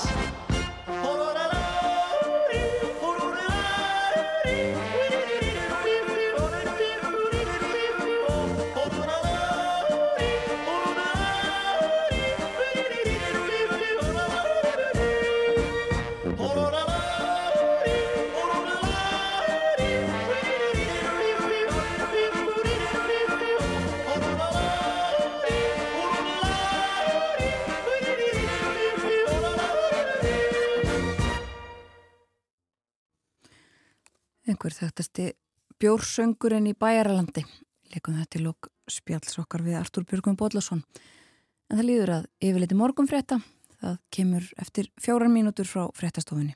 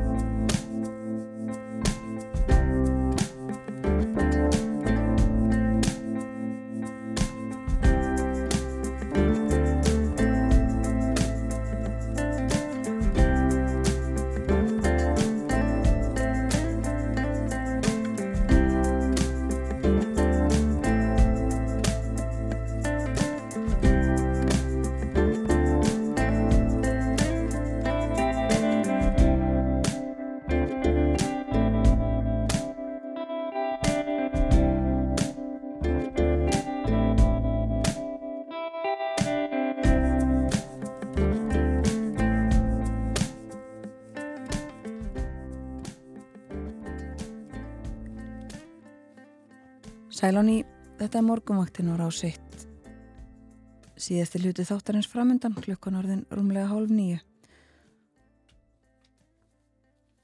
Við höfum rætt um efnahagsmál og pólitík og uh, næstu mínuturnar ætlum við að tala um uh, fundi uh, og ímislegt sem verður að gera í málefnum fatlaðs fólks. Það komið þetta fram í stjórnarsáttmála ríkistjórnarinnar sem nú setur að það ætti að vinna að því að lögfesta samning saminuðu þjóðana um réttindi fatlas fólks verið kallað eftir því töluverðan tíma og það er hafinn vinna við þetta allt saman. Hluti af þessu er að í sumar hafa verið haldnir fundir um allt land þar sem að falla fólk, samtök þeirra, stjórnvöld og fleiri hafa komið saman til þess að ræða um málefni fallas fólks og síðasti fundurinn verður setna í dag til okkar er komin Guðrún Ágústa Guðmundsdóttir, hún er formaðar verkefnastjórnar um gerð landsáætlunar í málefnum fallast fólks og líka aðstofamæður félagsmálar á þeirra hefur þessi mál með höndum. Velkomin á morgunváttina. Hjartans þakkir. En svo ég nefndi síðasti fundurinn í þessari fundaröð e, setna í dag. E, hvað hefur helst leiði fólki á hjarta á þessum fundum sem hafa verið haldnir hinga til? Þetta hafa verið rosalega fjölbreytti fundur. Þetta er tíundi fundurinn okkar og uh, við ákvaðum að hafa svona rafrænan fund í lókin fyrir þau öll sem ekki hafði haft tækifæri til þess að mæta áður og þeir hafa verið eins ólíkir og þeir eru margir. Á sömum fundum að þá hefur nánast engungu verið fólk úr stjórnsýslu, þessi fólki sem er að þjóna, fölluðu fólki í sínunar samfélagi. Á öðrum fundum hefur meiri hlutin verið foreldrar og falla fólk sjálft og fundirnir hafa verið mjög ólíkir eftir því hverjir mæta. En það sem er kannski svona gegnum gangandi er ánægja með að fá tækifæri til þess að tala við bæði sveitar félagi sitt og fólk frá ráðunetti eða stjórnveldum almennt. Og þorstin eftir því að það sé hlustað á þig. Já. Og það er svona kannski gegnum gangandi og það er það sem við höfum líka verið bara að upplifa sjálf í vinnunni því að við erum búin að vera að vinna síðan í oktober á síðast ári og verkefnastjórnin hóf sín störfsins í byrjun oktober og svo hafa 11 vinnuhópar verið að störfum síðan í november og þetta er fjöldin allar af fólki, veist, bara í verkefnastjórnin eru 15 manns og síðan eru 11 vinnuhópar með svona 5 til 10 manns í hverjum hópi og þannig að þetta er mikil fjöldi af fólki sem er búið að sko vinna mikið á stuttum tíma mm -hmm. og það er líka það sem er svo gleðilegt að þetta, þetta er svo, það eru svo margi sem hafa komið að þessu. Já, en sko segir það ekki sína sögu að, að það sem að fólk er fyrst og fremst ánægt með er bara það yfir höfuð að fá áhært, fá að tala við einhvern frá stjórnvöldum, að það hef ekki, það, það þekki ekki sjálfsagt mál. Já, við finnum það svolítið og líka bara því að sko samningu saman í þjóðanum réttindi fallasfólks er alveg sérstakur hann er búin til að fölluðu fólki sjálfu og það er svona stefið sem við vinnum eftir. Þannig að hugmyndafræðin í vinnunni gengur út af það að falla fólk sé sko eðlilegur hluti af mannflórunni í samfélaginu og þau séu að draga vagnin. Þannig að eins og til dæmis bara í þessum vinnuhópum að þá er það alltaf einstaklingar frá hagsmunasamtökunum sem eru leiðsögumenn eða formenn hópana og síðan er það starfsfólk raðanettana sem eru veist, starfsmenn hópana eru sé, að þjóna hópunum mm. en það er fatla fólk sjálft sem hefur líka dreyið svolítið mikið vagnin í þessari vinnu mm. og já við verðum alveg vörfið það og nú bara veist, já, persónulegu nótum, þú veist, ég heyri fatla fólk og fulltrú að hagsmennastamtakana tala um það að þeim finnist mjög mikilvægt að upplifa það að það sé komin ráðherra sem að liftir málafloknum upp og bara sem dæmi að þá e, fór eh, ráðherra á funda aðildaríkjana um samningssaminnið þjónum í réttindi fallasfólks og það var þá í fyrsta skipti sem íslensku ráðherra fór á þann fund. Þannig að það var mjög öflugt og, og kraftmikið að fara til New York og, og taka þátt í umræðinu um það hvernig eru veist, þjóðir heims að framkvæma þennan samning og hvar Mm. eru við stödd í samanbyrju við þau. Já, Og við megum sannanlega að gera betur á mörgum sviðum þó að við séum framalega að þá megum við gera betur og það er það sem við verum líka að reyna að vanda okkur við. já. Sko aðeins aftur um mitt um, að því sem að fólk hefur verið að uh, segja. Það eru sérsagt auðvitað og kannski eðlumál sem samkvæmt ólík vandamálinn sem að blasa við fólkinu eins og segir uh, í stjórnstíslinu þeim sem að eru að, að uh, þjónusta uh, falla fólk og svo falla fólk sjálft og fjölskyldur þeirra. Um, en sko var eitthvað samhljómur þarna í, er það samt það sama sko, er, er, er starfsfólkið að- glíma við það sama og, og svo hinum einn frá er eitthvað sem að falla fólk uh, kvartar undan eða hvernig, sko, getur kannski sagt okkur aðeins frá því Já, gefa okkur dæmi af, af þeim svona vandamálum og því sem að hefur komið upp sem að fólk hefur nefnt. Við náttúrulega búum í dreifbílu landi og það er partur af því sem við verðum verfið uh, í dreifbílinu að Já. það er, þú þarft að fara langt til þess að fá þjónustu. Það er svona eitt og það er náttúrulega aukin kostnaði fyrir fjölskyldur og foreldra. Þú veist, það þurfa alltaf að fara til höfuborgarsvæðisins eða sækja þjónustu þanga. Uh, eins og til dæmis bara ja, greiningamiðstöðin og þú veist, fleiri hlutir. Þannig að það er svona uh, hluti af því sem við heyrum og svo er það líka bara þú veist fólki það upplifir að það sé svona ákveðin fordómar og það, þú veist, þá er ég ekki að tala um fordómar sem neikvægt heldur, þú veist það, það er þessi aumingjagjaska sem er svona gegnumgangandi í staðin fyrir að horfa á það að falla fólk sé eðligur hluta samfélaginu og þú er að fá þá þjónustu í samræmi við það að þá er þetta svona æjæ, greið hann eða þú veist, þannig að það er svona þessi, þetta, þetta viðhorf. Og þess vegna, og við, þú veist, til þess að að breyta þessum viðhorfum að þá þurfum við að leggja sérstak ásla á vitundavakningu og það er það sem við verum að leggja ásla á þetta fyrsta ári í landsállunni til þess að reyna að breyta viðhorfum bæði almennings og þeirra sem þjóna fölluðu fólki og svo fölluðu fólki sjálfu. Þannig að það öðlist líka það sjálfströst að krefjast fullra mannréttinda og að krefjast þess að veist, þessi komið til móts við það á eðlugum fórsöndum sem að samningurinn er grundallar aðrað. Já. Og eins og segir þetta tíundi fundurinn ykkar í dag, uh, rafarætt fundur sem að þá allir eiga geta tekið þátt í. Mm Um, og hvað verður svo gert með þessa fundi?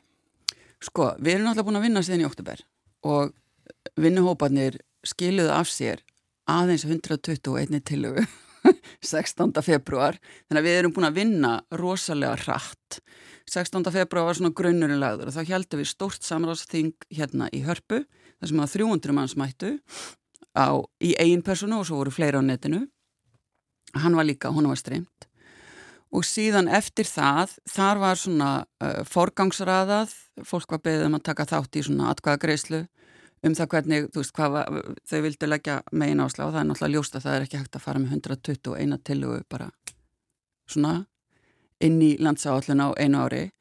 En síðan, að, síðan þá erum við búin að vera að vinna úr þessum tillögum og við erum að vinna þetta inn í þingsálutina tillögu sem að heitir landsáallun og er til fjögura ára það er svo fyrsta sem við leggjum fram og hún verður lögð fram núna í höst og, og verður sett inn í samráðskátt núna vonandi í september. Og um, síðan er í rauninni landsálluna vinnan er samt, sko, hún nær alveg til 2030, þannig að við erum að hugsa við erum ekki bara að hugsa, veist, þetta ár eða fjögur ár, við erum að hugsa til langstíma því að sumt getur við gerst strax eins og að hrindast að vitundavakningu og kynningu á samningi saminu þjóðanum réttindi fallarsfólks því að það eru mjög fáir í samfélaginu sem þekkja þennan samning og út á hvaðan gengur en, hérna, en annað þurfum við bara mun lengri tíma til þess að vinna með. Og það er til dæmis svona róttækar tillögur þannig inni og við erum svolítið róttæk þannig að við erum að sparki vekki í landsáallinu málumni fallarsfólks það er, dæmis, það er til dæmis tillögur um það að endurskoða aðalnámskra á leik, grunn og framhaldsskóla með glerögum eins og með föllina glerugunum út frá þeim samningi Það er líka tillegur um það að uh, grunnnámskeið í föllunafræðum verði hérna hluti af grunnnámi í öllu háskólanámi. Uh, þú veist, það skiptir máli að lögfræðingar, hagfræðingar, hönnuðir, uh, þú veist, allir átti sig á því hvað samningurinn felur í sér og hvaða réttindi falla fólk hefur, þú veist. Þannig að við, við erum að leggja áherslu á þessi í rauninni bara svolítið að breyta samfélaginu. Hmm. Og er þetta þá allt eitthvað sem að, e, sko, er utan við þennan samning eða sko að því að hugsa kannski hugsa sem er með sér það er mm -hmm. landsáallum til fjögur ára og svo -hmm. áfram e, þar á eftir og, og hérna sko liggur ekki bara samningunum fyrir væri ekki bara hægt að taka þetta upp sem stendur í honum? Já, góð spurning. Sko, við erum að vinna með 33 greinar samningsin sem eru taldar að vera svona virku greinarnar og það sem að gerist er að hver vinnuhópur fekk eina til fimm greinar úr samningnum til þess að vinna með og þá tekinn staðan á því hvar eru við stödd á Íslandi með að við þá grein sem að hér er. Það er til dæmis sérstu greinum ofbeldi gegn fætliðum konum og börnum og þá er þú veist það unni með það og komið tiljóður til þess að uppfylla þá grein sem stendur í samningnum. Og þannig að samningurinn er alltaf grunnurinn sem við vinnum út frá og svo vin, búum við til verkefnið að aðgerðir til þess að uppfylla samningin Já. og hann er botlurs við eigum alveg land í land uh, í að uppfylla hann. Og bara, þú veist, sem dæmi Sara Dögg uh, sem að vinnur hjá Þróskahjálp og er þar með uh, náms- og starfstækifæri fólks með þróskahömlun kom hér til ykkar það var í, í útvarsviðtölum í, í, í síðustu viku vegna þeirra aðstana sem að til dæmis fólk með þróskahöflun stendur fram með fyrir í háskólanámi. Og það er partur af því sem þessi samningur tekur á og bendir á veist, við eigum að eiga rétt á að, veist, að læra og nema óháð því hvaða föllun eða hvort við erum föllið eða ekki föllið þannig að þarna er til dæmis tækifæri til þess að gera betur og mm. samningurinn segir veist, réttindin eru skýr. Það er okkar að finna leð til þess að uppfylla það og þá er mjög dýrmætt að eiga hagsmunasamtökin með okkur í lið og þú veist, fólk eins og Sörudögg sem er formaður í, í, í hóp sem við erum með, sem er um náms- og starfstækifæri fallasfólks og er að skila sér skýslu bara núna þessa dagana og verður líka hluti af því sem landsáallin er nýtir undir. Þú veist, þannig að við erum að vinna á mjög mörgum sviðum og ég horfi svolítið á landsáallin eins og þú veist, það eru margir lækir sem sapnast saman í reysa fljót þannig að við erum, þú veist, við erum með nefndum uh, hérna tekjuskiptingu ríkis og sveitafélaga hvert málafloknum, við erum með lögfræðihóp sem er að fara yfir, þú veist, hvaða lög þurfum að breyta til þess að samningurinn getur orða veruleika, við erum með sérstaka uh, nefndum náms- og starfstækifæri, við erum að endur skoða framhaldsfræðslinn og það er líka verið að skoða, þannig að við erum að vinna aðréttindum fallasfólks á mjög víðum grunni. Já. Já, þú nefnir einmitt þetta með tekjuskiptinguna, það er auðvitað eitthvað sem er risastórt mál og, og yðurlega uh, tekist áum. Mm -hmm. Sko, þetta eru einmitt greinilega mjög umfómsmikla tilögur og margt sem að uh, þið svona sjáu fyrir ykkur, en, en hvernig er sko afstæðan gagvart allir þessari vinnu innan einmitt í, í stjórnmálunum, innan stjórnkerfisins, sko hafið þið alla á bakvið ykkur eða gerir þið ráð fyrir því að þetta fari allt saman bara í gegn allar eitthvað tilugur? Sko það, það er nefnilega svo dýrmætt í þessari vinni. Veist, það er fullt af erfiðum hlutum að það. Okkur hefur tekist að festast ekki í að rífast um peninga. Við erum að tala um hugmyndafræði í vinnunni í landsállin, bæði í verkefnastjórninni og í vinnuhópunum. Auðvita hugsa við um peningana og höfum þá bakveð eirað, en við erum að eins og ég segði þann, við erum að sparki veggi, við erum svolítið róttak. Þannig að við erum að reyna að þú veist, lift okkur upp og horfa yfir sviðið og hugsa til lengri tíma og hugsa í lausnum. Mm.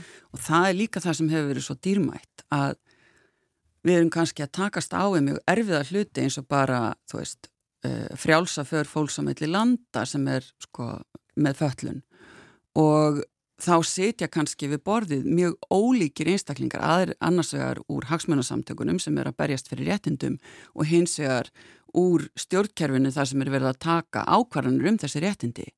Og það sem hefur verið svo dýrmætt í þessari vinnu að einstaklingar með mjög ólíka sín á verkefnið hafa fengið tækifæri til þess að fá insýn inn í það hvernig hinn sér það.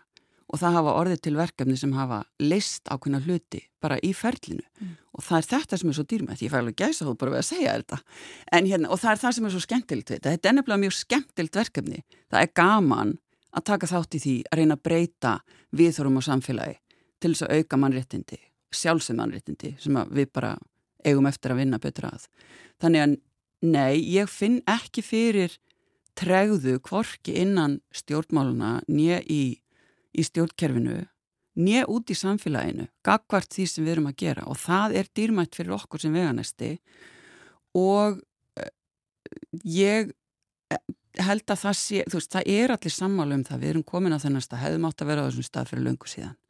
Þannig að það að lifta uppi málaflokki fallasfóls var algjörlega orðið tímabært og hefði í raunin átt að vera löngu búið að gera.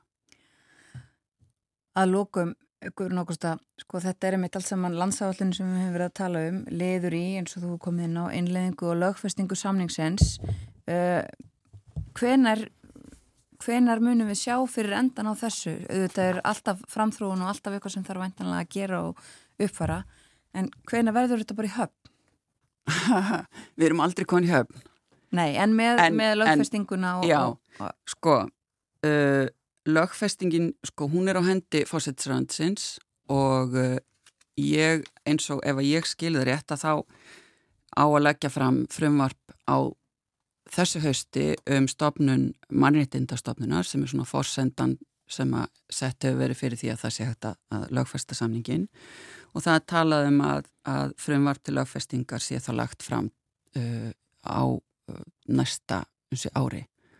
Um, 24 samkvæmt svona því sem að, að ég hef í höndunum fyrir margum lögfestingu uh, á vorþinginu eða eitthvað slíkt. Þannig að lögfestingin eða þá geta tekið gildi uh, 25 en sko við samþyktum samningin 2016 þannig að í rauninni er hann gildur en gagvart lögum og domstólum þá, þá skiptir máli að lögfestan. En við þurfum ekki að býða eftir lögfestingunni til þess að hrinda hlutinum í framkvæmt. Það er aukatrið að okkar mati sem erum að vinni þessu en það er samt mjög mikilvægur hluti í því að tryggja svona lagalegan rétt og fari gegnum allt okkar lagasafn til þess að laga það og það er partur af því sem að er verða að fletta núna. Þannig að, já. Takk fyrir að koma til okkar og segja okkur frá þessu Guðrún Ágústa Guðmundsdóttir. Formaður verkefnastjórnar um gerðu landsáallunar í málefnum fallaðara. Hjartans þakkir.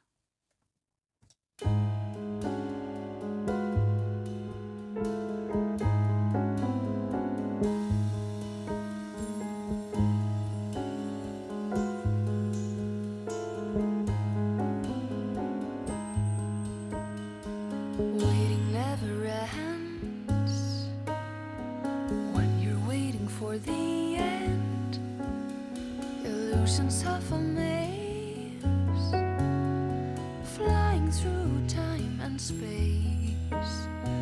Not a trace of where it stops or where it began Just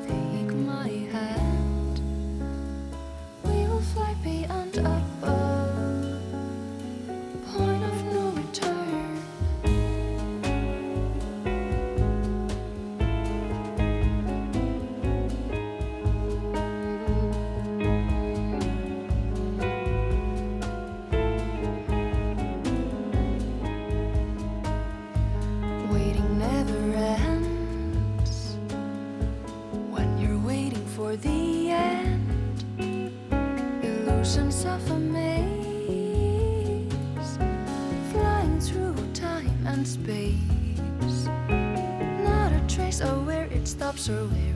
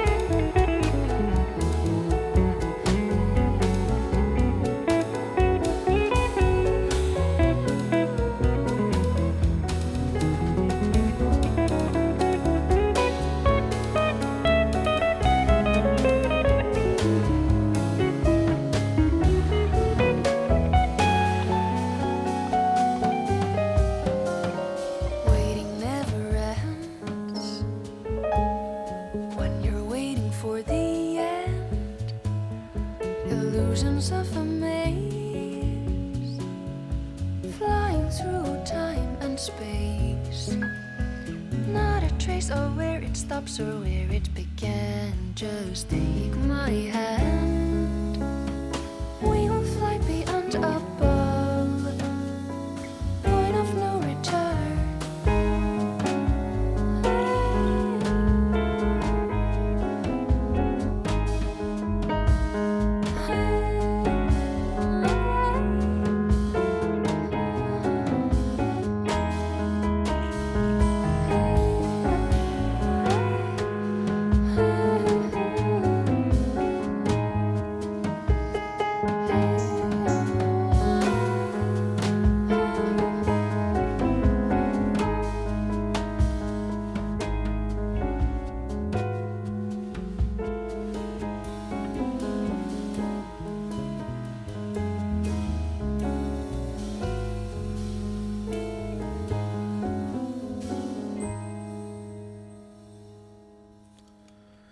Biðin endalösa heitir þetta lag. Waiting Never Ends. Anna Greta Siguradóttir, samdi, leika píano og söng. Anna Greta var hjá okkur hér í þættinum í síðustu viku. Ná samt, föður sínum Sigurði Flósasinni. Bæði tónlistafólk og uh, komið fram á jazzháttíðinni Reykjavík sem stóð frá miðugudegi síðustu viku og fram á sundagin síðasta. Við förum að ljúka þessu hér á morgunvaktinni þennan þriðutags morgunin. Við verið hér frá því snemma í morgun. Rættum við Þórsna Júlíusson, rittstjóra heimeldarinnar og Artur Björgum Bollason í Berlín, venju samkvæmt á þriðutags mótnum. Töluðum um efnaðasmál, ríkisreksturinn hér á Íslandi, húsnæðismálinn. Pólitíkin var fyrirferðamikil hjá Artúru Björgunni. Það eru ólíki flokkar í Þískalandi, rétt eins og Íslandi sem mynda ríkistjórn og uh, í báðum löndum þá er titringur held ég að með segja. Já, og Þíska stjórnin hefur lokað sig af inn í Kastala. Það er að reyna að ná þar einhverju sangumulegi. Já, verður þar næstu tvo daga. Er í hópefli. Já, og uh, svo í lokþáttarins var hjá okkur Guðrún Ágústa Guðmundsdóttir. Hún er formaður verkefnistjórnar um gerð landsáallunar í málefnum fallas fólks. Það verða að vinna í þeim málum uh, umfangsmikil vinna þessa dagana og fundur í dag svo síðast í svona fundaferðum allt landið. Morgunvaktinni er lokið, við verðum hér aftur í fyrramálið þokkun samfélgina í dag og uh, við vonum að þið hafið það gott. Verðið sæl.